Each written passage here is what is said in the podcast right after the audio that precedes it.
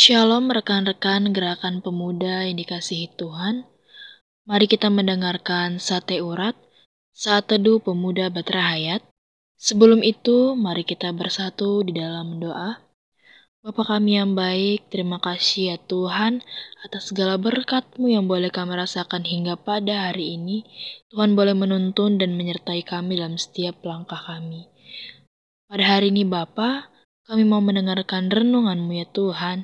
Biarlah Tuhan memberkati dan menyertai kami. Biarlah telinga kami boleh mendengar akan firman-Mu, serta Tuhan boleh mau mengurapi kami. Berkaryalah Engkau Tuhan, dalam nama Tuhan Yesus Kristus kami sudah berdoa dan mengucap syukur.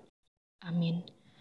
Rekan-rekan, pembacaan renungan kita kali ini terambil dari Lukas 13 ayat 10 sampai 13. Beginilah bunyinya menyembuhkan orang sakit pada hari Sabat. Pada suatu kali Yesus sedang mengajar dalam salah satu rumah ibadat pada hari Sabat. Di situ ada seorang perempuan yang telah 18 tahun dirasuk roh, sehingga ia sakit sampai bungkuk punggungnya dan tidak dapat berdiri lagi dengan tegak. Ketika Yesus melihat perempuan itu, ia memanggil dia dan berkata kepadanya, "Hai ibu, penyakitmu telah sembuh.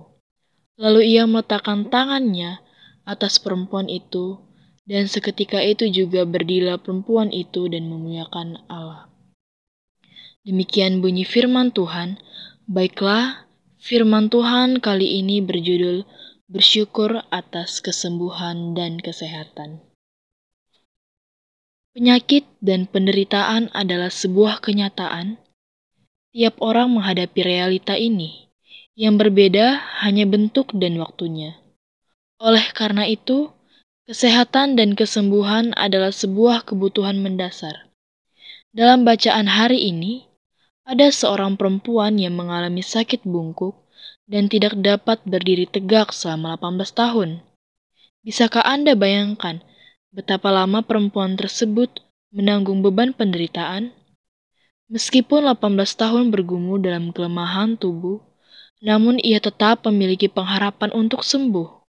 Pengharapan itu tidak sia-sia.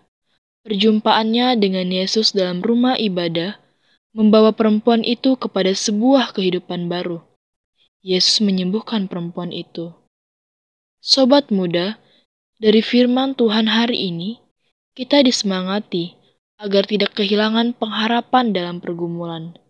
Sekalipun terlihat sulit atau doa-doa kita lama baru dijawabnya, jangan menyerah. Percayalah kepada Yesus Kristus yang memberikan berbagai karunia, kemurahan hati, belas kasihnya kepada kita.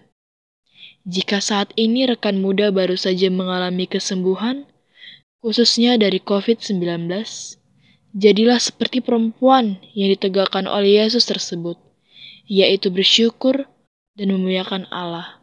Jika saat ini rekan muda dalam keadaan sehat dan bugar, manfaatkan keadaan sehat dan kuat ini sebagai kesempatan untuk juga menolong dan menguatkan mereka yang sakit dan lemah. Demikian renungan kita kali ini. Sebelum itu mari kita bersatu dalam doa. Bapa yang baik, Bapa yang bertata dalam kerajaan surga, Tuhan Yesus pada saat ini kami bersyukur atas kesegaran dan semangat baru yang boleh Tuhan berikan bagi setiap kehidupan kami. Bapa, kami telah selesai mendengarkan sebagian dari firman Bapa.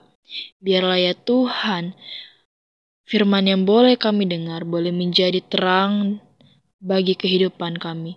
Sertai kami dalam setiap langkah kami Tuhan, biarlah Tuhan boleh bersama-sama dengan kami. Dalam nama Tuhan Yesus Kristus, kami berdoa dan mengucap syukur. Haleluya. Amin.